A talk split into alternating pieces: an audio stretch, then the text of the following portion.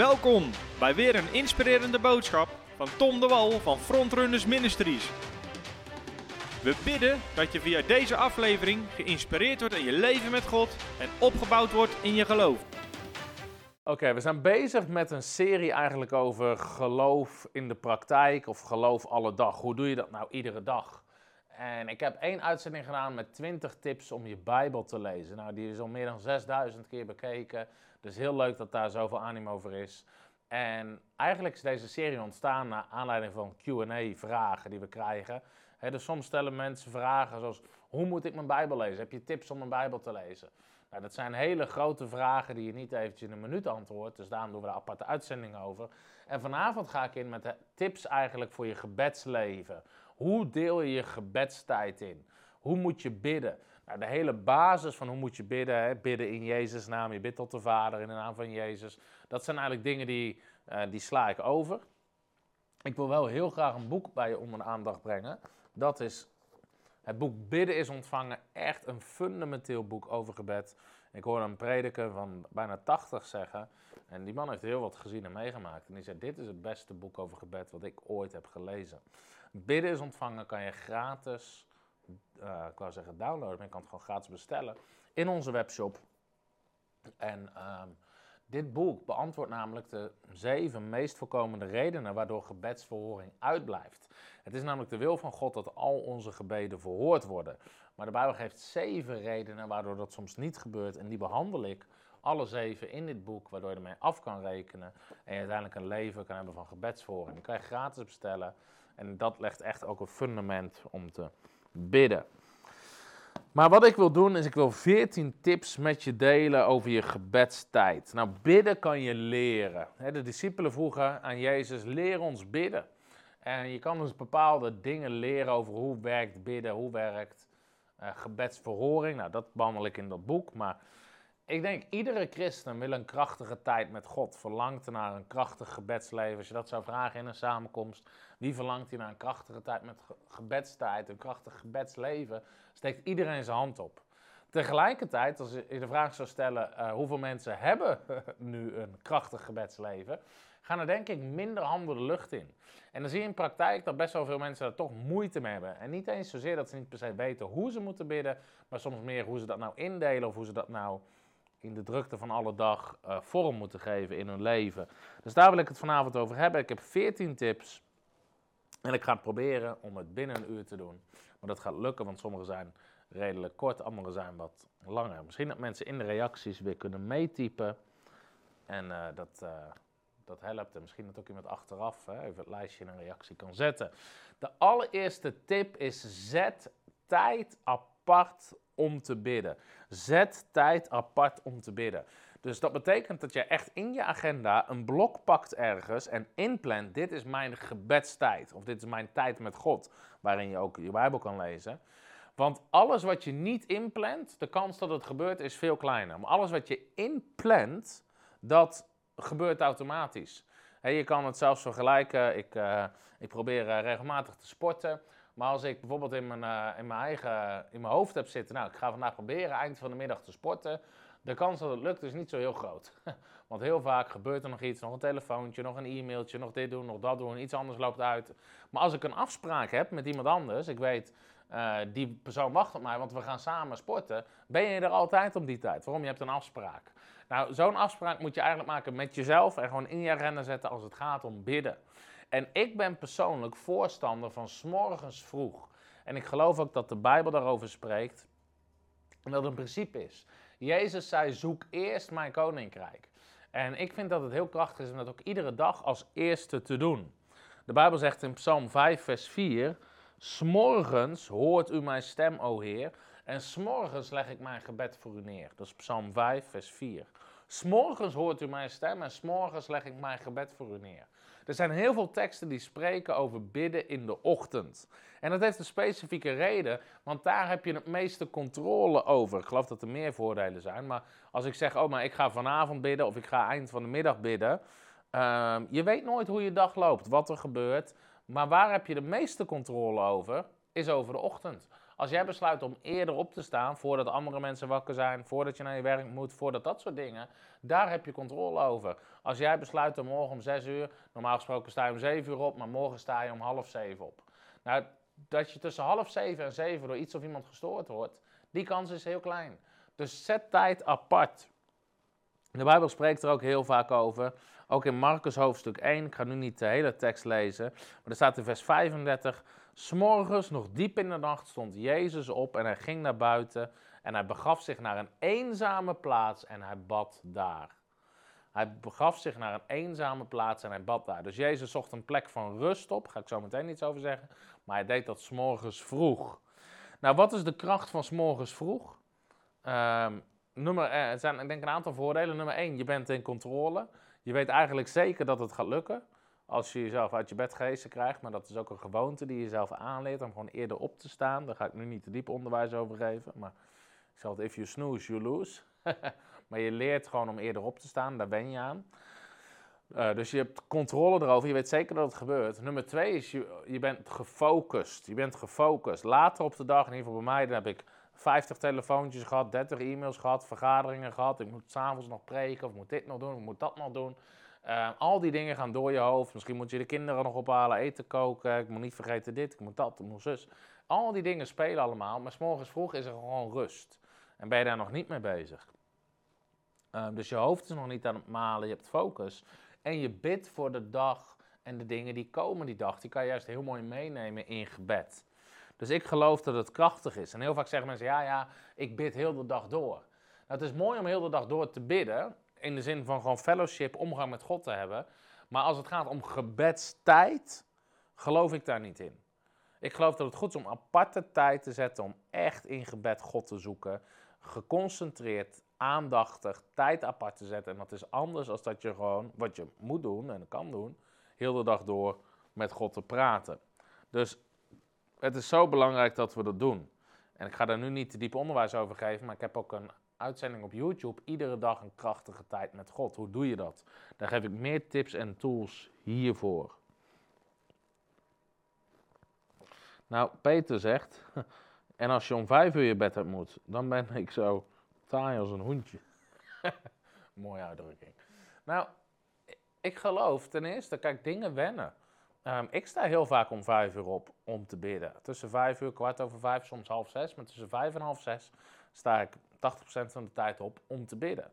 Tenzij ik s'avonds tot heel laat gesproken heb of uh, s'nachts terugkom van de meeting, dan, dan langer. Maar ik heb een vriend van mij, ik weet dat hij dit ook kijkt, die staat om kwart over vier op of om vier uur s morgens, omdat hij om vijf uur aan het werk moet zijn.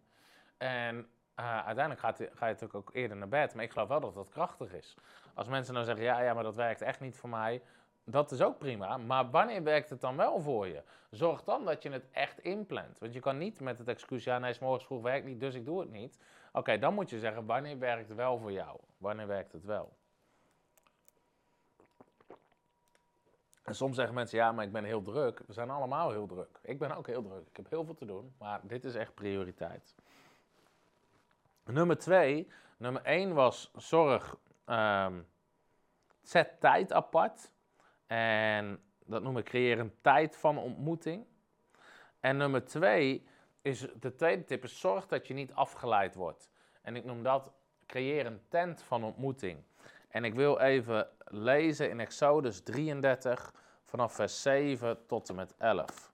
Exodus 33 vers 7 tot en met 11. Sommige mensen kennen deze tekst misschien uit mijn andere onderwijs over een krachtige tijd met God, maar dit is even een heel klein stukje herhaling, omdat dit zo belangrijk is. Exodus 33, vers 7 tot en met 11. Hier lezen we het volgende. Daar staat dit. En Mozes nam de tent, en dat was de tabernakel, de tent van ontmoeting, en zette die voor zichzelf buiten het kamp op, een eind van het kamp vandaan. Nou, in het kamp waren, was het volk Israël. En hij noemde hem de tent van ontmoeting. Zo gebeurde dat ieder die de Heer zocht, dit was trouwens een andere tent, zo gebeurde dat ieder die de Heer zocht naar de tent van ontmoeting moest gaan die zich buiten het kamp bevond. Telkens als Mozes naar de tent uh, ging, gebeurde het dat het volk opstond, ieder bij de ingang van zijn tent ging staan en zei Mozes nakeken zodat hij de tent was binnengegaan. En dan staat er en daar gebeurde dat God sprak tot Mozes. Maar wat is mijn punt? Mozes creëerde een aparte plek buiten het kamp, zegt de Bijbel heel duidelijk, waar hij heen ging. Hij creëerde een plek waar hij niet werd afgeleid. Een tent van ontmoeting buiten het kamp. En wat is het principe erachter? Dat het goed is om niet alleen om tijd apart te zetten, maar ook een plek te hebben waar jij tijd met God hebt, waar je dat het meest geconcentreerd kan doen. Voor mij is dat als ik s'morgens, als ik thuis ben, dan ga ik naar de woonkamer, want alle uh, de kinderen en Femke slapen nog. Dus dan is dat mijn plek waar ik niet word afgeleid. Uh, maar of ik ga heel vroeg naar kantoor voordat anderen er zijn. Ik heb een eigen kantoor, maar dat dat mijn plek. Uh, zonder dat er mensen binnen komen lopen, zonder dat mensen vragen stellen. Gewoon een plek waar je niet wordt afgeleid. Buiten het kamp, buiten de dagelijkse beslommeringen. Weg van de drukte. Mozes deed dat expres. Hij deed het niet midden onder de mensen, want dan wist hij dat hij afgeleid zou worden. Nou, Jezus heeft het erover. Wanneer u bidt, zegt Jezus in Matthäus 6, ga in uw binnenkamer en sluit uw deur en bid tot de Vader. Dus Jezus leert hetzelfde. Jij zegt wanneer je bidt, ga naar je binnenkamer, dus vind een plek, jouw binnenkamer, en sluit de deur. Doe de deur dicht, creëer een plek die jij afzondert. Sluit je af voor andere dingen. En ik geloof dat dat heel belangrijk is. Dus creëer een plek waar je niet wordt afgeleid. Zet dit ding, zet je telefoon, zet die uit. Zet andere dingen, doe dat weg, zodat je niet wordt afgeleid. En wat anders dan word je afgeleid en dan werkt je gebedsleven vaak niet. En ik vind het mooi dat mensen zeggen, sommigen zeggen, ja, maar ik ben te druk. Nou, Mozes die had een miljoen mensen onder zich, meer dan een miljoen. Jezus die had het ontzettend druk. Maar Jezus en Mozes, we zien datzelfde principe. Zij zetten echt een plek apart, een tijd apart. Op andere plekken zegt de Bijbel hè, dat Jezus klom de berg op om te bidden. Of hij stuurde iedereen weg en hij kwam later, want hij klom de berg op om te bidden. Uh, Lucas 5, vers 16, daar staat: Jezus trok naar de woestijnen en hij bad daar. Dus Jezus zocht altijd een plek op, of s'morgens vroeg uh, ging hij weg de stad uit, of hij ging de berg op, of hij ging naar de woestijn, maar hij zocht een plek waar hij rustig kon bidden. En ik denk dat dat zo belangrijk is. Uh, dat je een plek hebt wat jouw binnenkamer is, waar jij je tijd met God hebt. Oké, dan ga ik door met de derde uh, tip. Um, de derde tip is: kom in de rust, noem ik dat, en kom in de geest. Kom in de rust en kom in de geest. Ik ga je uitleggen wat ik ermee bedoel. Nou, als het gaat om bidden, er zijn verschillende redenen waarom je bidt. Er zijn verschillende soorten gebed. Daar ga ik zo meteen iets over zeggen. Maar als het gaat om um, Gods stem verstaan, Gods leiding ervaren en ervaren dat God ook echt tot jou spreekt, is het heel belangrijk dat je in de rust komt. En ik noem dat ook wel in de geest komen. In Openbaring 1, vers 9 en 10, dat is stuk makkelijk te vinden, want dat zit helemaal achteraan. Daar lezen we het volgende van de apostel Johannes. Openbaring 1, vers 9 en 10.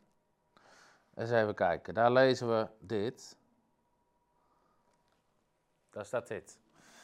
Ik, Johannes, die ook uw broeder ben en deelgenoot in de verdrukking in het koninkrijk en de volharding van Jezus Christus, was op het eiland genaamd Patmos omwille van het woord van God en het getuigenis van Jezus Christus. Daar staat er dit. Ik was in de geest op de dag des Heren en ik hoorde achter mij een luide stem als een bazuin die zei, ik ben de Alpha en Omega. Wat u ziet, schrijft dat op. Maar mijn punt is, hij zegt, ik was in de geest. I was in the spirit on the Lord's day, zegt hij. Ik was in de geest op de dag des Heren. Hij was in de geest. En hoe moet je dat nou omschrijven? Soms, wanneer je aan het bidden bent, dan merk je dat je eigenlijk meer bewust bent van jouw innerlijke mens, jouw geest en je omgang met God, dan alle dingen om je heen. En dat is eigenlijk de plek waar je wil komen. Dat je komt in de rust en dat je gefocust bent in jouw geest, jouw wedergeboren geest, die omgang heeft met de Heilige Geest. Want dat is de plek waar je Gods tegenwoordigheid ervaart, uh, je Gods stem kan horen, waar je Gods vrede over dingen ervaart. En dat is zo ontzettend belangrijk. En in handelingen, handelingen 10, kijk, eigenlijk als je deze principes die ik nu met je deel over gebed, als je die eenmaal ziet, zie je ze overal in terugkomen. In Handelingen 10 lezen we namelijk over de apostel Petrus. En de apostel Petrus in vers 9, daar staat dit. En de volgende dag, terwijl zij op reis waren de stad naderen, klom Petrus op het dak om te bidden. Ongeveer op het zesde uur. Nou, ze hadden heel vaak vaste gebedstijden. Maar wat doet Petrus? Hij klimt op het dak. In die tijd hadden ze een plat dak. Maar Petrus creëert een aparte plek waar hij niet wordt afgeleid. Dus hij ging niet bidden waar iedereen was. Hij klom het dak op om te bidden. En dan staat, zegt de Bijbel ook, hij raakte in geestvervoering. Hij raakte in geestvervoering en dan kreeg hij een visioen. Nou, mijn ervaring is, je hebt heel veel mensen die willen heel graag de stem van God verstaan, Gods tegenwoordigheid ervaren, Gods vrede ervaren. Al die dingen zijn mooi, zijn heel belangrijk. Alleen dat lukt niet in de drukte. Dat lukt niet in de chaos, dat lukt niet onder tijdsdruk. Voor mij, als ik, als ik los van, je verstaat Gods stem gedurende de dag, dat begrijp ik. Maar als ik echt God ergens over wil horen, of s'morgens bijzet wil hebben, of uh, wil weten wat God op mijn hart legt, bepaalde indrukken, dan is voor mij heel belangrijk dat ik, dat ik in de rust kom. En dat ik in de geest kom. Dat ik in een plek kom waar ik me veel meer bewust ben van mijn geestelijke mensen, de omgang met God, dan alle dingen uh, eromheen. Dus daarom werkt tussendoor uh, werkt minder goed. Dus zorg ervoor dat je geest afstemt op God. En ik ga zo meteen uitleggen hoe je dat doet. Um, uh, hoe je in die rust komt. Daar ga ik een aantal principes over delen. Maar ik denk dat heel veel mensen hebben moeite om Gods stem te verstaan omdat ze niet in de rust komen. Het moet altijd gehaast, onder tijdsdruk, onder spanning. En dat is niet een fijne atmosfeer. Je, ik geloof, ik kan Gods stem verstaan, ook onder druk, ook op onder spot als het nodig is. Als er iets aan de hand is, kan ik heel snel aftasten. wat zegt God? Of wat ervaar ik in mijn geest? Um, maar dat komt omdat ik het geleerd heb in de rust. En als ik God wil zoeken, doe ik het nog steeds in de rust. En dan kom ik namelijk bij de vierde tip, wat ik geloof zo belangrijk is. En ondanks dat hier redelijk veel over gepreekt wordt, ik denk nog niet genoeg. Tip nummer vier is dankbaarheid. Dankbaarheid. Wanneer je gaat bidden, neem tijd, ieder gebed, om God te danken. In Psalm 100, een hele bekende psalm, staat het volgende. Psalm 100 vanaf vers 4, daar lezen we dit. Eens even kijken. Psalm 100 vanaf vers 4. Ga zijn poorten binnen met een lofoffer, maar de Engelse vertaling zegt: Enter into his gates with thanksgiving, met dankzegging. Ga zijn poorten binnen met dankzegging en zijn voorhoven met een lofzang. Dat zegt de Engelse vertaling met lofprijs. Wees dankbaar, zegt de Engels, be thankful unto him and bless his name. Dus wat hier loof is, dat zegt de Engelse vertaling, danken. Maar de Bijbel zegt dus, wij gaan zijn poorten binnen, wij naderen tot God met dankzegging. Met dankzegging. Nou, waarom is dit zo belangrijk? Vanaf het moment dat jij wakker wordt, kan je je richten op twee dingen. Je kan je richten op misschien de dingen die niet goed gaan, waar je moeite mee hebt, waar je tegenop ziet die dag, of bepaalde dingen uit je leven. Ehm, of je begint gewoon God te danken. Meteen het eerste wat je doet, maar ook in je gebedstijd. Bedanken creëert iets positiefs.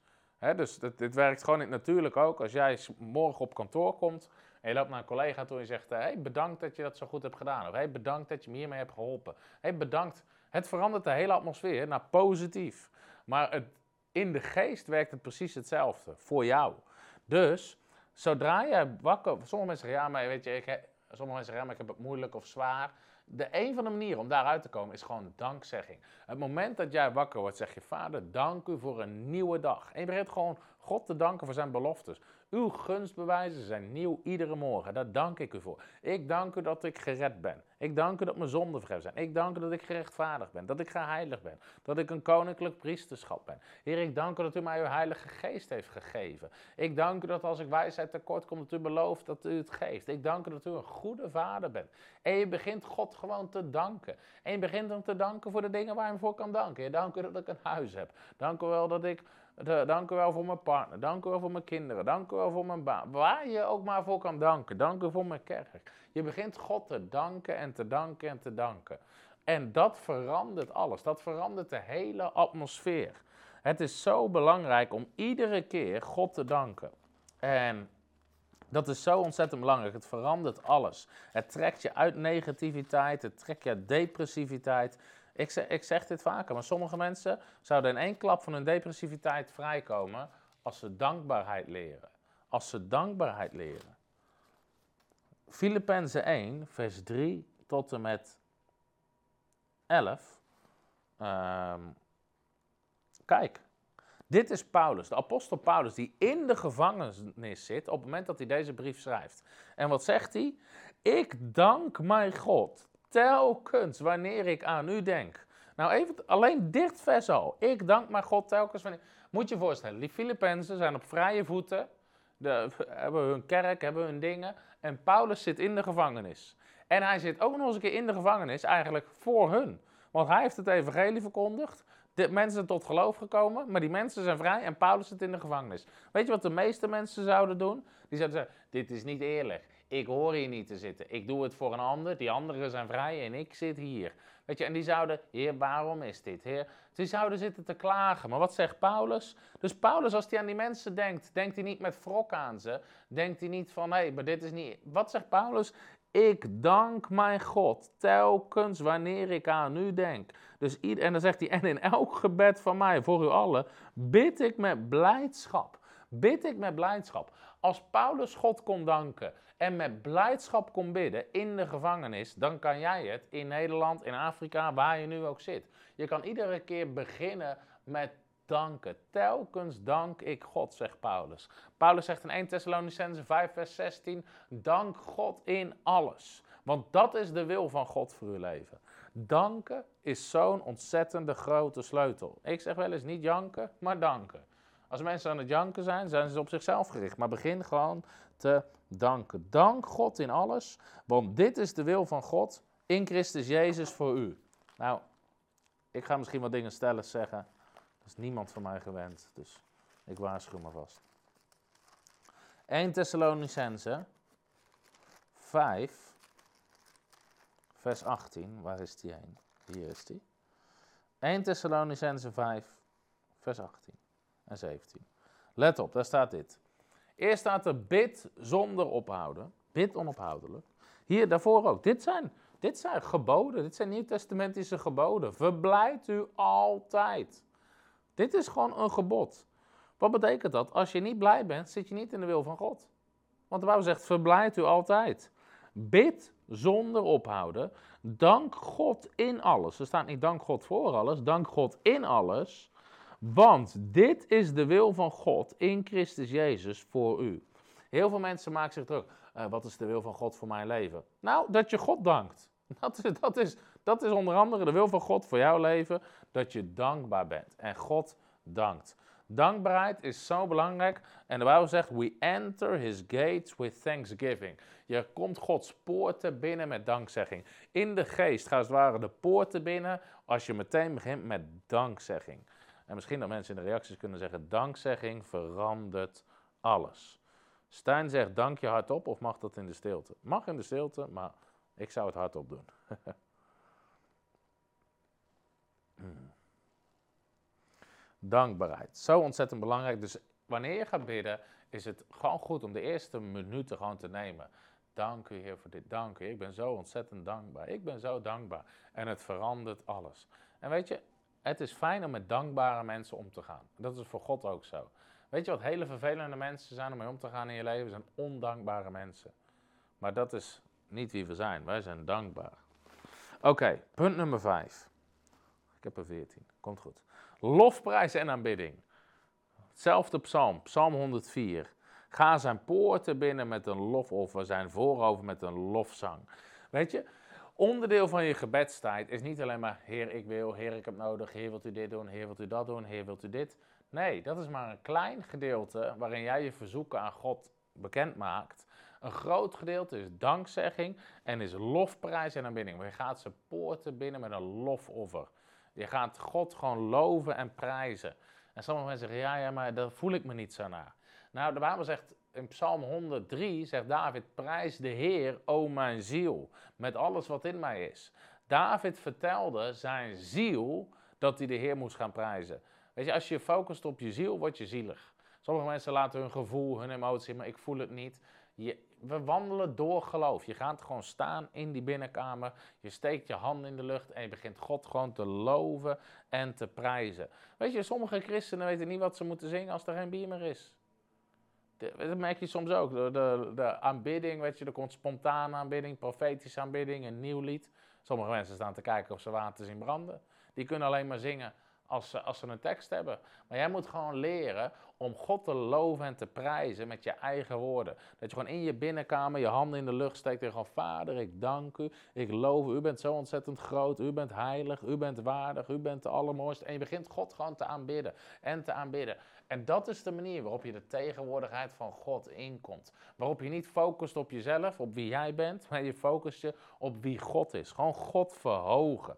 God verhogen. En God reageert daarop. In Handelingen 16 zitten Paulus en Silas in de gevangenis, God aanbidden en boem, God komt die gevangenis in. Omdat God reageert op lofprijs en aanbidding. De Bijbel zegt, word niet dronken van wijn waarin losbandigheid is, maar word voortdurend vervuld met de Heilige Geest. Efeze 5 vers 18. Hoe doe je dat dan? En spreek onder elkaar met psalmen, lofzangen en geestelijke liederen en zing voor de Heer en loof hem in uw hart. Een van de manieren om vervuld te worden met de geest van God is gewoon zingen. Is gewoon God loven en zingen. En dat kan, en eh, het is ook heel goed om wel gewoon een aanbiddingsnummer op te zetten. Pak gewoon een aanbiddingsnummer wat jou raakt. En ik heb een paar tips daarvoor. Die krijg je er even uh, gratis bij. Zing tot God, niet over God. Zing tot God, niet over God. Hele nummers gaan over God, maar je wil gewoon tot God zingen. Dat is persoonlijk. Er is een vraag of er is een verschil of dat ik over jou praat of dat ik tot jou praat, met jou praat. Dus je wil niet hele nummers over God, je wil gewoon rechtstreeks zingen tot God, persoonlijk. Persoonlijk versus feitelijk. De meest simpele aanbiddingsnummers, die gewoon God verhogen, zijn de meest krachtige. Je hebt nummers met 46 coupletten, refreinen, allemaal moeilijke woorden. Uh, eerst zingen ze over bergen, dan over dalen, dan over stormen, dan over wolken, dan over zonnestralen, dan over de regenboog. En van alles en nog wat komt langs. Maar de meest simpele nummers. I exalt die ik verhoog u. Gewoon die meest simpele nummers waar je alleen maar bezig bent. Heer, ik verhoog u. Jezus, Heer, u bent waard. You deserve the glory. You deserve the praise. Gewoon de meest simpele. You're worthy of it all. Gewoon de simpele aanbiddingsnummers. Uh, over heilig, heilig, heilig. Gewoon waar je simpel God aanbidt. Simpel Jezus aanbidt. Dat zijn de meest krachtige nummers die er zijn. En um, gewoon waarin je vertelt hoeveel je van hem houdt. Nummers als Jezus, ik hou van u. Ik heb u lief, Heer, boven alle dingen. Alles wat in mij is verlangt. En je begint meteen. En dat, je merkt, dat is waar de tegenwoordigheid van God op reageert. Zing ook niet over jezelf. Man, heel veel nummers gaan over ons. Nou, soms kan het goed zijn, een aanbiddingsnummer, of eigenlijk gewoon een, een worship, een praise nummer over wie we zijn in Christus. Maar dat zing je niet om God te aanbidden. Dat zing je omdat het helpt mensen om te beseffen wie ze zijn. Maar hele nummers gaan over ons. Waar ik ook niet van hou is ongeloof. En allemaal ongeloof en onzin. Er zijn hele nummers. Al mijn zonden, al mijn zorgen neem ik mee naar de rivier. Dan denk ik, wat doe je met die troep? Al je zonden zijn al lang vergeven, 2000 jaar geleden. Je bent een nieuwe schepping, je bent geheiligd, gerechtvaardigd en vergeven. De Bijbel zegt, we zijn ons in geen enkel opzicht meer zonde bewust. Nu Jezus eens en voor altijd de voorhof is binnengegaan en gezeten is aan de rechterhand van God en zijn heilig bloed ons vrijgesproken heeft. Je hoort niet meer zondebewust te zijn. En al je zorgen, wat doe je met die dingen? De Bijbel zegt, geef je zorgen over aan de Heer. Dus mensen, mensen zitten allemaal onzin te zingen, allemaal ongeloof te zingen. En ze focussen zich op hun in plaats van op God. En daarom ook in aanbidding geen uitspraken over hoe moeilijk, hoe zwaar. Nee, je verhoogt gewoon God.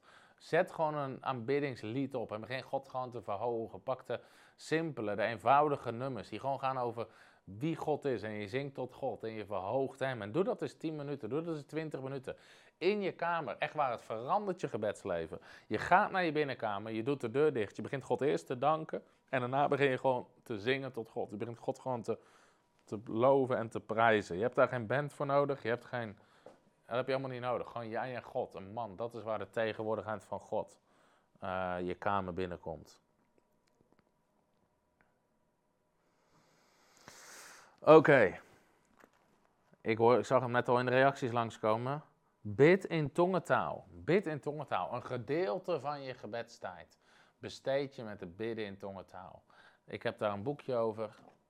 Ik kijk dat het hier ligt. Hij ligt hier ook Als mensen zeggen, ja, maar ik weet niet wat dat is of hoe dat werkt. Ik heb een boek, Spreken in tongentaal. 50 redenen om te spreken in tongentaal. Dingen die gebeuren wanneer we spreken in tongentaal. Kan je ook gewoon gratis bestellen. Ook als je uh, tongentaal wil ontvangen, leg ik hierin uit hoe je het ontvangt. Maar tongentaal, de Bijbel zegt in 1 Korinthe 14, wie in tongentaal spreekt, spreekt niet tot mensen, maar tot God. En in zijn geest spreekt hij geheimenissen en hij bouwt zichzelf op. Jij bouwt jezelf op. En in Romeinen 8 staat, als wij niet weten hoe we moeten bidden, dan is het de geest zelf die voor ons pleit met onuitsprekelijke verzuchtingen. En Judas 1, vers 20 zegt: We bouwen onszelf op op ons meest heilige geloof door te bidden in de Heilige Geest. Nou, er is heel veel over te zeggen over tongentaal, maar iedere dag, dat is een van mijn favoriete manieren, omdat ik bid boven, boven mijn eigen bidden en boven mijn eigen verstand. Dus tongentaal helpt met een aantal dingen. Je bidt dat perfecte gebed, dat is al heel waardevol. En het helpt jou om in je geest af te stemmen tot God. Dus als je God dankt, als je God looft en prijst, en je begint gewoon eens, begin gewoon eens vijf minuten, tien minuten, een kwartier te bidden in tongentaal. Geconcentreerd bidden in tongentaal. Niet alleen drie keer rabababa, rabababa en we gaan weer door. Maar ga gewoon eens staan in je binnenkamer of in je, in je woonkamer en gewoon ik ga zo meteen niet zeggen over een soort houding wat je aan hebt, maar begin er gewoon eens. En je begint gewoon een minuut of vijf, tien te bidden in tongentaal. En je merkt je geest, man, je geestelijke mens wordt opgebouwd, wordt gefocust. En het helpt je zo van meer om krachtig te bidden. Op dat moment ben je al krachtig aan het bidden. En tongentaal helpt je ook om gedurende de dag op God afgestemd te zijn. Misschien moeten we weer eens wat uitzendingen gaan doen uh, over tongentaal, over dat soort dingen. Iemand zegt, eh, die heet Janke Mobiel. Toen ik net zei niet janken, maar danken, bedoelde ik niet jou. Maar Janke zegt, of zingen in tongentaal. Inderdaad, zingen in tongentaal kan ook. Paulus zegt, ik zal met mijn geest bidden. Uh, ik zal met mijn verstand lof zingen en ik zal met mijn geest lof zingen. Dus ieder gedeelte of elke keer in gebedstijd spendeer een deel aan het bidden in tongentaal. En ik doe het ook als ik gewoon in de auto zit of wat dan ook. Ik zit in mijn eentje in de auto. Ik zit gewoon te bidden in tongentaal, bidden in de geest. Tip nummer 7. We zijn op de helft. We gaan goed. En de komende zijn ook wat korter. Neem een passende houding bij het soort gebed aan. Tip nummer 7. Neem een passende houding bij het soort gebed aan. En jouw houding doet iets. Er zit een verschil of dat, ook als ik nu met jou zit te praten, er zit een verschil dat ik zo met je zit te praten of dat ik zo tijdens voor zijn feit. Ja, leuk dat er uh, eh, 500 mensen kijken en uh, jullie geïnteresseerd zijn over uh, gebed. En, weet je, als ik zo erbij zou zitten en zo zou praten, dat, dat doet niet heel goed in hoe mensen ontvangen wat ik aan het zeggen ben.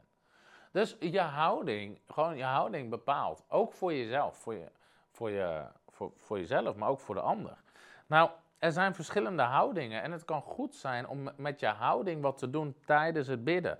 Dus de Bijbel spreekt over het opheffen van heilige handen tijdens het bidden. De Bijbel zegt, hef je handen op. Dus als de Bijbel het zegt, dan doe je het. En er zijn heel veel teksten over. Ik heb ook eens ooit ook een e-boekje geschreven over de kracht van een bidding. Ik denk dat het nog ergens wel uh, gratis uh, te downloaden is. Maar hè, de Bijbel spreekt over handen opheffen. In Psalm 134, in Psalm 141, maar ook in het Nieuwe Testament. Um, dus een van de dingen, als je God aanbidt en als je dankbaar bent, is gewoon, is niet zo alleen op een stoel zitten. Heer, ik aanbid u. Nee, ga staan. Neem een actieve houding aan. Strek je handen uit. Handen uitstrekken is een teken van overgave, is een teken van uitstrekken.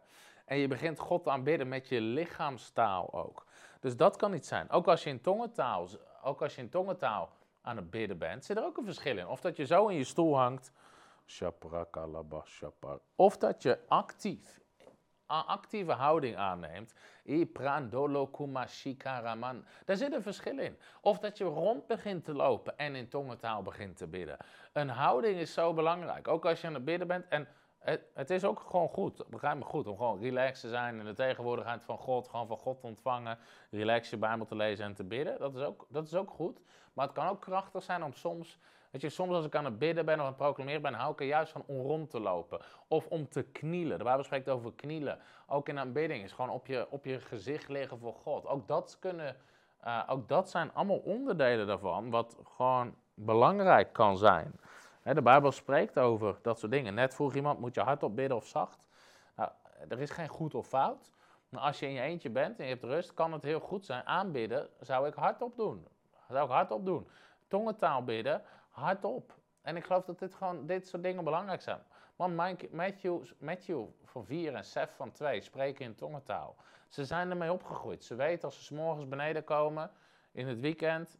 Zit ik, op, ik, ben, ik zit daar op de bank te bidden, in tongentaal te bidden. Voor hun is dat heel normaal. Dus het is ook goed gewoon voor in je gezinscultuur, dat soort dingen.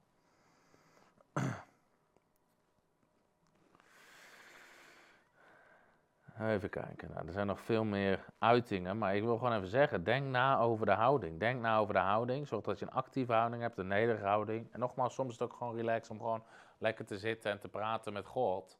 Maar dat is iets anders dan dat je God aan het aanbidden bent. Of dat je ergens voorbeden voor aan het doen bent. Dan zou ik daar een andere houding bij aannemen.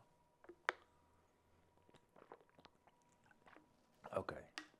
Nummer 8. Een onderdeel van je gebedstijd. We hebben het nu gehad over hoe je in de geest komt. We hebben het gehad over tongentaal, aanbidding, dankzegging.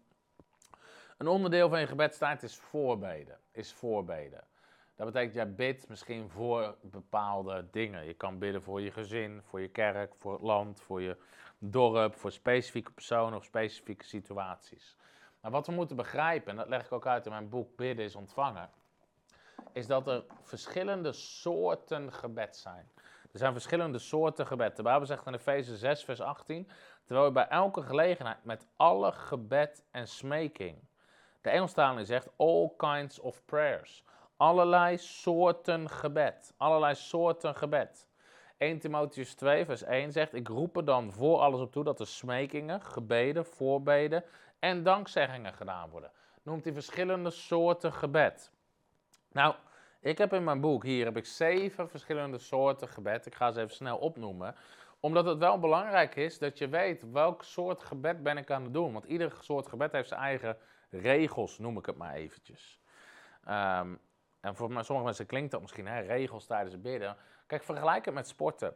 Als ik met voetbal de, de bal in mijn handen pak en naar het doorren, bij de andere hem erin gooi, uh, telt mijn punt niet. En het is ook een sport, dat is handbal. Alleen dat is geen voetbal, het heeft andere regels. Nou, zo zijn er ook verschillende soorten gebed. Eén één vorm van gebed is een gebed van toewijding. Waarbij je iets in je leven toewijdt aan God. Of de wil van God zoekt voor iets. Dit was wat Jezus bad in Gethsemane. Vader, als het mogelijk is, laat deze beker aan mij voorbij gaan. Maar niet mijn wil, maar uw wil geschieden. Jezus wijde zichzelf daaraan toe en zegt, Heer, niet mijn wil, maar uw wil geschieden. Dat is een gebed van toewijding. Maar dat stukje, niet mijn wil, maar uw wil geschieden, dat plakken sommige mensen op iedere soort gebed. Heer, ik bid dat tante Annie geneest, maar niet mijn wil, maar uw wil geschieden. Nou, daar klopt niks van, van dat gebed. Want dat is geen gebed van toewijding. Als het gaat om genezing, zegt Bijbel in Jacobus 5, dat je het gebed van geloof moet bidden. En het gebed van geloof is een zekerheid en heeft dus niet Heer als het uw wil is. Want geloof weet wat de wil van God is. Dus als jij een gebed van toewijding bidt, Heer, ik ben bereid om als zendeling naar China te gaan. Als dat uw wil is, niet mijn wil, uw wil geschieden. Als dat uw wil is, maak het maar duidelijk. Dat is oké om in dat gebed te bidden, want je bent een gebed van toewijding aan het bidden. Maar als ik genezingsdiensten doe of ik bid voor iemand voor genezing, bid ik nooit, Heer, als het uw wil is. Nee, ik weet, genezing is de wil van God. Dus ik hoef dat niet te bidden. Sterker nog, als ik dat bid, gebeurt er niks, want dat is een gebed van ongeloof. Dus, het is belangrijk om te weten welk soort gebed ben ik aan het doen. En er zijn zeven soorten gebed. En, nou goed, ik noemde er hier maar even twee. Maar uh, er zijn verschillende soorten gebed. En waar had ik het over? Voorbeden. Voorbeden. Nou, ik ga nu niet te diep in op, op voorbeden doen, maar het is, kan goed zijn om voor familieleden te bidden. Het kan goed zijn om ehm, eh, voor je dorp, voor je stad, voor je kerk, voor specifieke situaties te bidden. Nou, wat ik, even, wat ik hiervoor aan wil halen, en sommige mensen nemen hier aanstoot aan, maar dat maakt me niet uit. Als je kijkt naar het Nieuwe Testament, heel veel mensen doen bijvoorbeeld voorbeden voor mensen die nog niet God kennen. En ik zeg niet dat het per se verkeerd is, maar dan bidden ze van, Heer, ik bid dat die persoon bekeert. Ik bid dat die persoon bekeert. En daar is op zich niks mis mee. Maar als je het Nieuwe Testament bestudeert, zie je eigenlijk dat soort gebeden bijna niet. de voorbeden is bijna altijd gericht op degene die het evangelie brengt. Heer, en ik zal je wat voorbeelden nemen. Handelingen 4. Zij baden niet voor de ongelovigen, ze baden voor de gelovigen. Heer, ik bid dat u ons vrijmoedigheid geeft om uw woord te spreken en dat u uw hand uitstrekt tot wonderen en tekenen. Uh, de Bijbel zegt, bid dat God de deur opent. De deur van het woord opent om van Christus te spreken. Colossense 4, vers 3. Bid dat mij het juiste woord gegeven wordt wanneer ik mijn mond open. Efeze 6, vers 19. Uh, bid voor ons dat het woord van de Heer zich. Nou, bid voor ons. Heel vaak gaat het juist. Nou, waarom zeg ik dit? Omdat sommige mensen vervangen gehoorzaamheid voor gebed. Ze zijn niet gehoorzaam, ze verkondigen niet het evangelie, maar ze bidden wel dat iemand tot geloof komt. Maar dat is niet hoe het werkt. Dus ook als het gaat om voorbeden, is het wel belangrijk dat we. En nogmaals, het is goed om voorbeden te doen, maar ook dat er net zoveel actie is. De Heilige Geest corrigeerde mij een keer. En de Heilige Geest zei: Tom, er moet net zoveel actie zijn als gebed omdat wij ook toen, in die tijd was ik jeugdleider, waren we heel veel aan het bidden voor jongeren die tot geloof kwamen, beweging van God. En dat was goed. En de Heilige Geest sprak, Tom, er moet net zoveel actie zijn als gebed. En pas toen wij actie gingen doen, toen wij evangelisatieacties gingen doen, allerlei outreaches, toen kwamen mensen tot geloof. Nou, God, en dat klinkt hartstikke logisch, maar sommige kerken, man, zijn iedere week aan het bidden. En alleen, net zoals bijvoorbeeld al dat bidden voor opwekking, ik zie het niet terug in de Bijbel. Ik zie nergens in, dat Jezus en de apostelen en handelingen heel druk aan het bidden zijn. Heer, breng opwekking, Heer, breng opwekking, Heer, breng opwekking. Nee, er was opwekking. Overal waar zij gingen, gewoon deden wat het woord van God zei. Ze predikten het evangelie. Weet je, ze, ze, genezen zieken, ze drijven demonen uit, ze dopen mensen, vervullen ze met de Heilige Geest. Dat is opwekking. Alleen dat krijg je als je gewoon doet wat het woord zegt. Nou, dat is even een zijstraatje. Dus voorbeden is goed. Wij doen ook voorbeden. Alleen minimaal net zoveel actie zijn. Minimaal net zoveel actie zijn.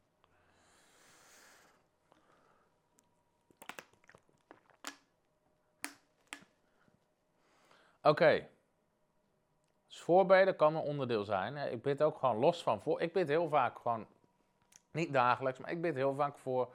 Als ik de kinderen op bed leg, bid ik voor de kinderen, bid ik met de kinderen. Vader, ik bid uw zegen over ze uit, dat ze u zullen kennen, dat ze openbaring zullen hebben, geleid zullen worden door uw geest. Dat is voorbeden. Je bidt voor hun. Je bidt voor hun. Ik bid voor mijn vrouw. Het zijn dingen waar je voor bidt. Nou, iets ander, een andere soort gebed is het gebed van geloof. En daar gaat dit hele boek over. Bidden is ontvangen. Het gebed van geloof gaat erom als jij iets wil ontvangen voor jezelf. Jij vraagt iets aan God voor jezelf, of kan zelfs ook, ook voor een ander zitten daar soortgelijke principes in. Dan bid je het gebed van geloof. Want Jezus leert ons, alles wat u biddend begeert, Marcus 11, vers 24, geloof dat u het ontvangt en het zal u ten deel vallen. Geloof is een voorwaarde om te krijgen waar je voor bidt. Nou, hoe werkt het gebed van geloof? Als ik ergens voor bid, moet ik ten eerste weten wat zegt het woord van God hierover. Want ik, als ik ergens voor bid, maar ik weet niet wat het woord van God erover zegt, kan ik onmogelijk bidden met geloof. Dus het is goed om onder andere bijbelse beloftes te hebben. Wat belooft Gods woord hierover? Dus en daarnaast, zorg eerst dat je ook geloof krijgt in die beloftes. Dat je ze leest, dat je erop mediteert, dat dat een zekerheid is in je hart. Het is niet de bedoeling dat je eerst gaat bidden en dan denkt, hé, hey, wat zegt het woord van God hier eigenlijk over? Um, en je gaat staan en je bidt op die beloftes. En je gelooft het op het moment dat je het ontvangt. Of je gelooft dat je het ontvangt op het moment dat je bidt. Dat is het gebed van geloof. Daar heb ik ook andere uitzendingen over. Maar um, als ik ergens voor bid, um, dan is dat een van de manieren waarop je kan bidden. En wat is daarna belangrijk, is dat je gewoon het woord van God spreekt en God dankt. Weer die dankbaarheid. Maar als je voor jezelf ergens voor bidt, en dat... Uh, dan is het, en dat gaat er niet om, nou, ik bid voor een vakantie, wat zegt het woord van God daarover? Maar er zijn wel algemene principes, namelijk dat God, als ik zou, als ik zou moeten bidden voor een vakantie, uh, dan zou wat zegt het woord van God hierover? Filippenzen 4, vers 19.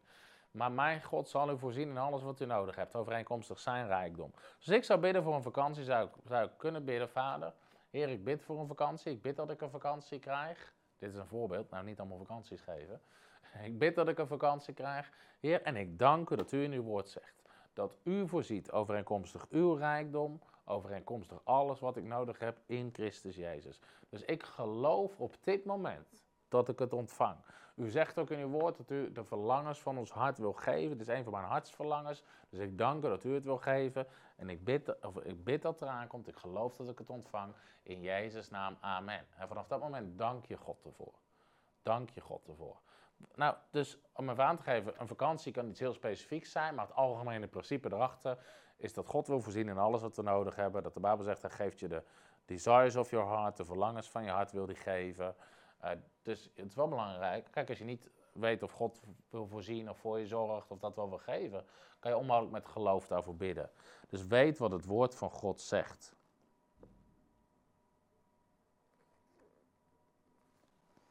Esmee van Tol vraagt, gaan jullie bij de Blessed Conference weer mensen dopen? Ja, als het aan mij ligt wel. Dus dat denk ik van wel, want ik bepaal het. Dus ja. Dat is even over het gebed van geloof. Tip nummer 10 is mediteren, ook tijdens het bidden. De Bijbel spreekt over mediteren, overdenken, meditate. Er zijn een aantal teksten over. Maar tijdens het bidden kan het goed zijn om op bepaalde dingen te mediteren. Dus ook biddend bepaalde Bijbelteksten. Als je een tekst hebt, stel je voor je hebt eerst je, Bijbel gelezen voordat je ging bidden. Je hebt een tekst die je raakt. Kan het goed zijn om in gebed gewoon die tekst er eens bij te pakken. En nog eens een keer of tien te lezen. En daar gewoon over te bidden. Vader, ik dank u voor openbaring, over wat u hier zegt. Je begint gewoon te bidden over die tekst. Dat kan superkrachtig zijn. Maar niet alleen over een Bijbeltekst. Maar dat je over bepaalde dingen je gedachten laat gaan tijdens het bidden. En op die manier de God de kans geeft om erover te spreken, om je bepaalde indrukken te geven. Dus als ik met dingen zit, van hé, wat moet ik hiermee doen? Wat moet ik daarmee doen? Terwijl ik aan het bidden ben, ga ik, ga ik daarover nadenken. En niet nadenken in eigen kracht, maar gewoon, uh, heer, wat moet ik... Het kan zijn op een conferentie, over een conferentie. Heer, wat wilt u dat ik daarover spreek? En ik begin gewoon te zoeken in mijn geest en te bidden in tongentaal. Terwijl ik daaraan nadenk en ik ben er gewoon op aan het mediteren. En soms in één boem, in mijn geest weet ik, dit is het of dat is het. En mediteren gewoon op andere situaties in je leven. Heer, wat is wijsheid? Ook nog zoiets. Hè? Jacobus zegt, als iemand wijsheid tekort komt, laat hem aan God vragen, die overvloedig zonder verwijten geeft, maar laat hem er in geloof om vragen. Want iemand die twijfelt, hè? Want iemand die twijfelt, moet niet denken dat hij iets zal ontvangen. Hij is als een golf van de zee. Dus kan een van de dingen zijn, vader, Heer, ik bid voor wijsheid op dit moment over die situatie. En ik ga mediteren als het ware op die situatie. Of de geest van God de ruimte geven om daarover te spreken in de rust.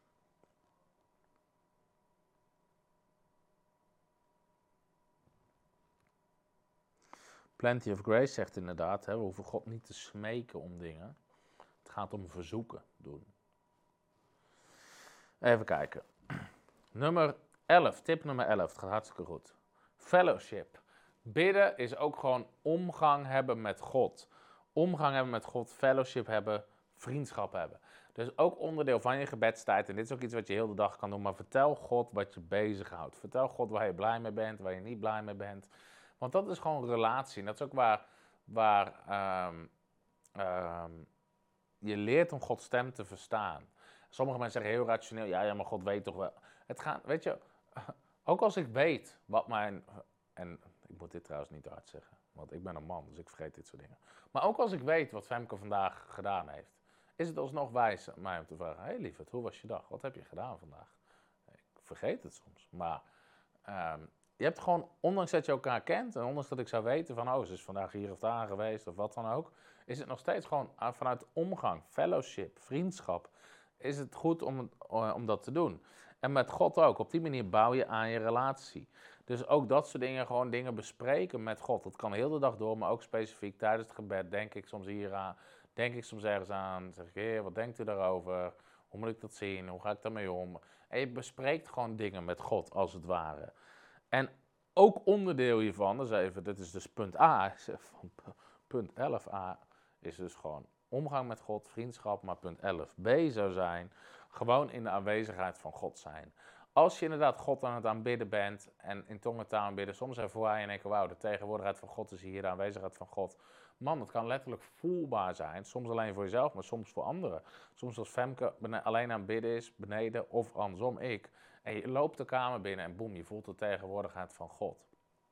Uh, kan ook in de auto, kan overal zijn. Maar wat ook gewoon goed is, om gewoon te genieten van Gods aanwezigheid. Dat je gewoon gaat zitten in de tegenwoordigheid van God. En gewoon God aanbidt, gewoon met God praat, maar gewoon geniet van de presence, van de tegenwoordigheid van God. Ik heb er een preek over staan, over de tegenwoordigheid van God, leven in Gods tegenwoordigheid.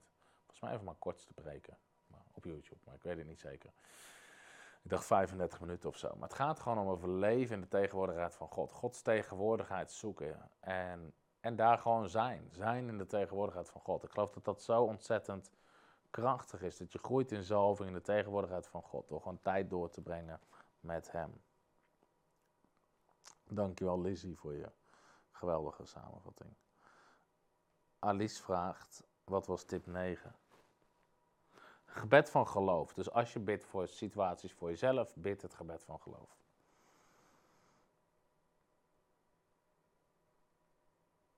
Oké. Tip nummer 12 is stilte. Stilte. Het is goed om soms gewoon te luisteren en in de stilte te zijn. Als we lezen het verhaal van 1 Koning 19 met Elia. Uiteindelijk was God daar in de stilte. Dat betekent niet dat God altijd in de stilte zit. Maar het is goed om, en daarom zei ik, begon ik over kom in de geest, heb rust, heb rust in je geest. Om soms gewoon stil te zijn. En niet zelf ergens over te beginnen, maar gewoon af te tasten. Waar begint God over? Of waar moet ik aan denken? Of wat gebeurt er? En gewoon in de stil te zijn en daar tijd voor nemen. Dat is ook iets belangrijks. En dit doe ik ook heel vaak. Als ik s'avonds op bed lig en ik ga slapen, om niet aan allerlei dingen meteen te denken. Of, of meteen, maar gewoon dat je even gewoon stil bent en in je geest als het ware aftast. Er zit een verschil tussen nadenken vanuit je hoofd, maar de Bijbel zegt, we dienen God met onze geest. Dus dat je eigenlijk hè, op je geest gaat focussen en vanuit je geest gaat aftasten en gewoon naar God luistert, wat zegt God, of gewoon stil bent voor God. Dat kan heel goed zijn, om gewoon stil te zijn, in de stilte te zijn en uh, van God te ontvangen daar. Tip nummer 13. Heb iets bij de hand om aantekeningen te maken.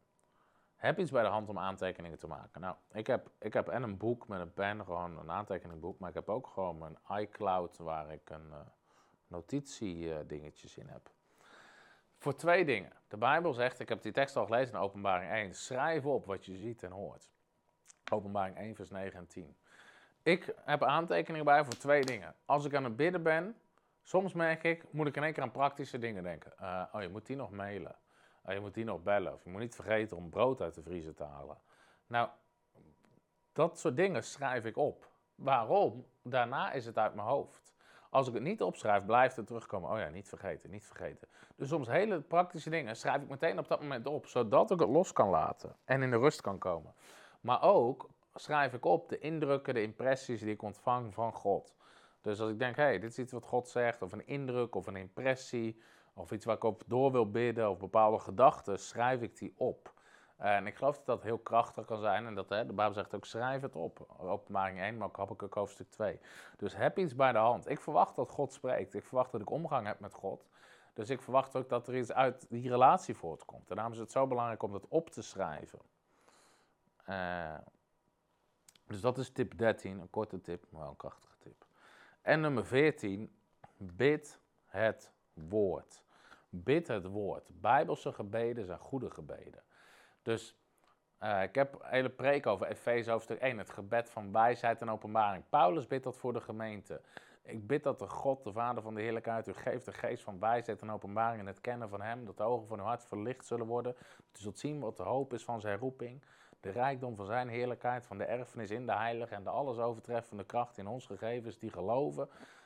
nou, dat gebed gaat zo door. Die over ook werkzaam was in Christus Jezus toen hij opstond uit de dood en God hem aan zijn rechterhand zette in de hemelse gewesten, ver boven alle overheid en macht en kracht en heerschappij. En elke naam die genoemd wordt, niet alleen in deze wereld, maar ook in de komende. En hij heeft hem als hoofd over alle dingen gegeven aan de gemeente die zijn lichaam is. Uh, nou goed, dat is Efeze hoofdstuk 1, vers 17 tot en met tot, tot met 23. Maar ik heb die gebeden zo vaak gebeden, want het is een Bijbels gebed. Vader, ik bid voor de geest van wijsheid en openbaring in het kennen van u. Heer, ik bid dat ik dat zal hebben. En dat zijn Bijbels gebeden, bid ik bijna iedere dag. Bid het woord. In Efeze stuk 3, daar bidt Paulus dat je de, de rijkdom zal kennen van de hoogte, de diepte en de, van de liefde van Christus. Paulus bidt in Colossense, ik bid dat u in uw roeping zal wandelen, waardig zal wandelen. Dat je zal weten wat je. Dat zijn bijbelse gebeden. Als ik gebeden zie in de Bijbel, weet ik, dit zijn goede gebeden. Het gebed van Jabes in 1 Kroniek hoofdstuk 4. Waar de Bijbel zegt, Jabes die bad tot God. En hij zei, Heer, ik bid dat u mij rijk zegent. Mijn gebied uitbreidt. Uw hand met mij is en het kwade van mij wegdoet. Nou, heel veel, als je dit zou bidden in Nederland, zouden heel veel mensen zeggen: joh, wat een zelfzuchtig gebed. Dat God je rijk zegent, dat God je gebied uitbreidt, dat Gods hand met je is en het kwade van je wegdoet. Nou, in sommige kerken zou je ervoor bestraft worden. Zouden zeggen: ja, maar dat is, dat is prosperity gospel, dat zijn prosperity gebeden. Maar het volgende vers zegt: God liet komen wat Jabes vroeg. God verhoorde dat gebed. Het is een goed gebed. Een van de gebeden die ik vaak bid. Heer, ik bid dat u mijn rijk zegent, mijn gebied uitbreidt, uw hand met me is. Bijbelse gebeden. Of andere dingen, bidden uit het woord. De zegening uit Deuteronomium 28. Waarin ik ze gewoon lees. Gezegend zou je zijn in de stad en op het land en op het veld. Bij je komen, bij je weggaan, de vrucht van je schoot. En ik bid het gewoon uit. Vader, dank u wel. Dat, dat dit, en ik bid het gewoon uit. Bid het woord. Bid het woord. Er zijn zoveel schitterende stukken uit het woord van God die je uit kan bidden. Dus dat zijn even 14 tips over een krachtig gebedsleven. Als mensen vragen hebben, mag ik ze nu in de reactie stellen en ga ik ze proberen ehm, te beantwoorden. Nog even samenvattend. Zet tijd apart. Zorg dat je niet afgeleid wordt. Dus tijd van ontmoeting en de tent van ontmoeting. Kom in de rust en in de geest. Dankbaarheid zou onderdeel moeten zijn van ieder gebed. God danken. Lofprijs en aanbidding, nummer 5. Nummer 6, bid in tongentaal. Nummer 7, neem een passende houding aan bij het soort gebed wat je aan het doen bent. Nummer 8 is voorbeden. Gedeelte van je gebedstijd zal bestaan uit voorbeden. Doe voorbeden voor dingen. Nummer 9 is gebed van geloof bidden voor je eigen situaties. Nummer 10 is mediteer tijdens het bidden. Nummer 11 is bidden is fellowship, fellowship, vriendschap met God, gewoon omgang met God, dingen met God bespreken. En in de tegenwoordigheid van God zijn. Nummer 12 is stilte. Nummer 13 is iets bij de hand om aantekeningen te maken. Nummer 14 is bid het woord. Nou, dit, is, dit zijn allemaal principes. En dit moet je niet als een soort rekensom, maar dit zijn wel allemaal elementen van je gebedsleven. Wat als je dit toepast, en nogmaals, lees alsjeblieft, lees dit boek, bestel het, het is gratis, het verandert je leven. Maar het zal je echt helpen om een krachtig gebedsleven te krijgen. En ik wil even kijken of ik een paar vragen kan beantwoorden van mensen. En um, terwijl ik dat ga doen, terwijl mensen hun vragen stellen. En um, uh, wil ik mensen ook de kans geven om partner te worden. Misschien kunnen die, hebben die onder in beeld ook of hebben die alleen? Dus onder in beeld, als je nog geen partner bent van Veronderen, dan wil ik je van harte uitnodigen om partner te worden. Help ons gewoon om nog veel mensen toe te rusten, te zegenen, te bemoedigen met alle gratis boeken, met de campagnes, met de voltijdschool. Je bouwt gewoon mee. De Bijbel zegt, je krijgt deel aan de vrucht. En er zit een belofte aan vast, want Paulus zegt, jullie hebben mij voorzien in alles wat ik nodig heb. Die tekst heb ik aangehaald, Filippenzen 4. Nu zal mijn God jullie voorzien in alles wat jullie nodig hebben. Het is saaien en oogsten. Misschien ben je al partner, maar leg God op je hart om het te verhogen. Eh, misschien ben je ooit gestopt om een of andere reden, maar wil je het weer oppakken, kan je het weer oppakken nu. We hebben ook een tiende rekening trouwens, mensen die een tiende willen overmaken. Die staat ook in beeld, staat ook op de website. Of als je een eenmalige gift wil geven. We staan in geloof voor veel extra partners, omdat we nog heel veel extra willen doen. Halleluja. Oké. Eens even kijken. Christel vraagt. Waarom noem je zegenen niet als onderdeel van gebeden? Nou, het is een goed punt. Je kan tijd nemen. Hè. Daar, ik, ik, had wel een stuk over bid het woord en over voorbeden doen. Hè. Dus dat is, je zou het onder voorbeden kunnen scharen. Maar ik heb niet de, als ik alles zou moeten noemen wat mensen kunnen doen, dan zouden er heel veel punten uitkomen. Maar ik zou het onder voorbeden gooien. Stilte valt niet mee, zegt Heidi. Gedachten worden afgeleid. Tips. Ja, die tips heb ik gegeven. Als je eerst dankt. Ondertussen, dus als er, als er gedachten komen, je wordt afgeleid, schrijf het op. Als er dingen zijn, je dankt God, je aanbidt God totdat je in de rust bent, totdat je in de geest bent. En vanuit daar word je stil. Dus ik merk gewoon, zolang mijn gedachten nog aan het spinnen zijn, nee, ik begin gewoon God te danken, te loven, te prijzen, in tongentaal te bidden, totdat ik merk, ik heb rust. En dan kom je in de geest, zoals ik dat noem. Dus ik geloof dat dat de hele belangrijke stappen er naartoe zijn. Jelte vraagt eerst danken en daarna bidden of eerst bidden en daarna danken. Het zijn natuurlijk geen harde regels van dit moet of dat moet. Ik vind dankbaarheid krachtig uh, om mee te starten, maar het is geen uh, harde regel.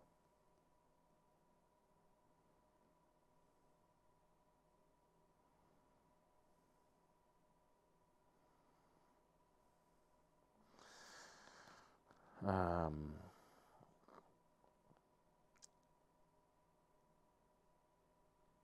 even kijken.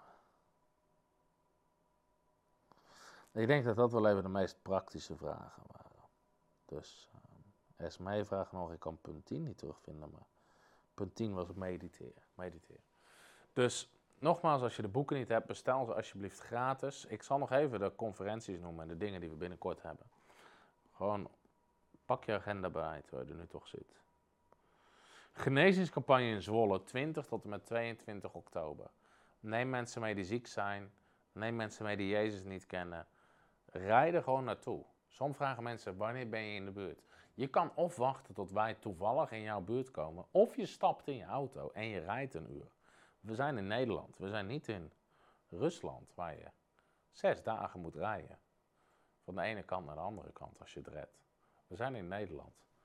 Vanuit heel Nederland sta je bijna in een uur in Zwolle. Sommigen zeggen, van mij is het anderhalf uur. Dan rij je anderhalf uur. Zo moeilijk is het niet. 20 tot 22 oktober. De Blast Conference van 14 tot 17 december. Kijk, probeer er zoveel mogelijk avonden bij te zijn. Dit wordt echt knallen. Ik heb er nu al zin in. En we hebben de Prophetic Conference van 20 tot en met 21, ja, of ik zeg het verkeerd, 19 en 20 januari. Klopt die? Ik ga even kijken in mijn agenda. Want nu ben ik in de war welke. 19 en 20, ja. Vrijdagavond en zaterdag. Probeer er de hele dag bij te zijn. Gods woord voor Nederland. Ik ervaar dit als strategische conferentie. En daarom doen we hem ook in Ede, waar we 1100 man kwijt kunnen.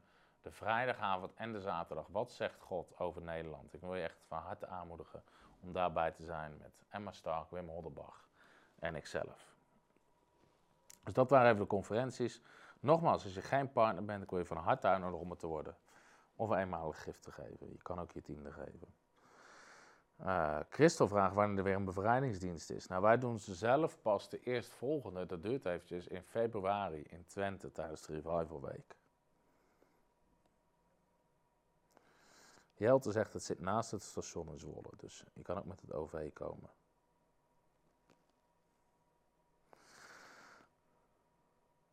Oké. Allemaal hartstikke bedankt voor het kijken. We hebben het precies in een uur gedaan. Dus uh, dat is helemaal super. God zegen. Oh, en volgende week, die ben ik vergeten. Volgende week is Femke bij mij in de studio. Want volgende week gaat het over hoe onderwerp je je gedachten aan Gods woord. Hoe onderwerp je je gedachten aan Gods woord. Dus Femke wil er heel graag bij zijn. Dus de uitzending van volgende week doe ik samen met Femke. Zorg dat je hem kijkt. Om 8 uur zie ik je weer bij Voice of Faith. God zegen. Hallo, Tom de Wol hier en bedankt dat je weer geluisterd hebt naar onze podcast. Ik bid dat het je geloof gebouwd heeft en je bemoedigd bent. Als je niet alleen een luisteraar van onze boodschap wil zijn, maar ook een verspreider daarvan, wil ik je uitnodigen om partner te worden van Frontrunners. Door jouw maandelijkse donatie help je ons om dit evangelie van Jezus Christus en het woord van God over heel de aarde te brengen. Om partner te worden, ga naar www.frontrunnersministries.nl slash partners en word partner. Hartelijk bedankt en tot snel.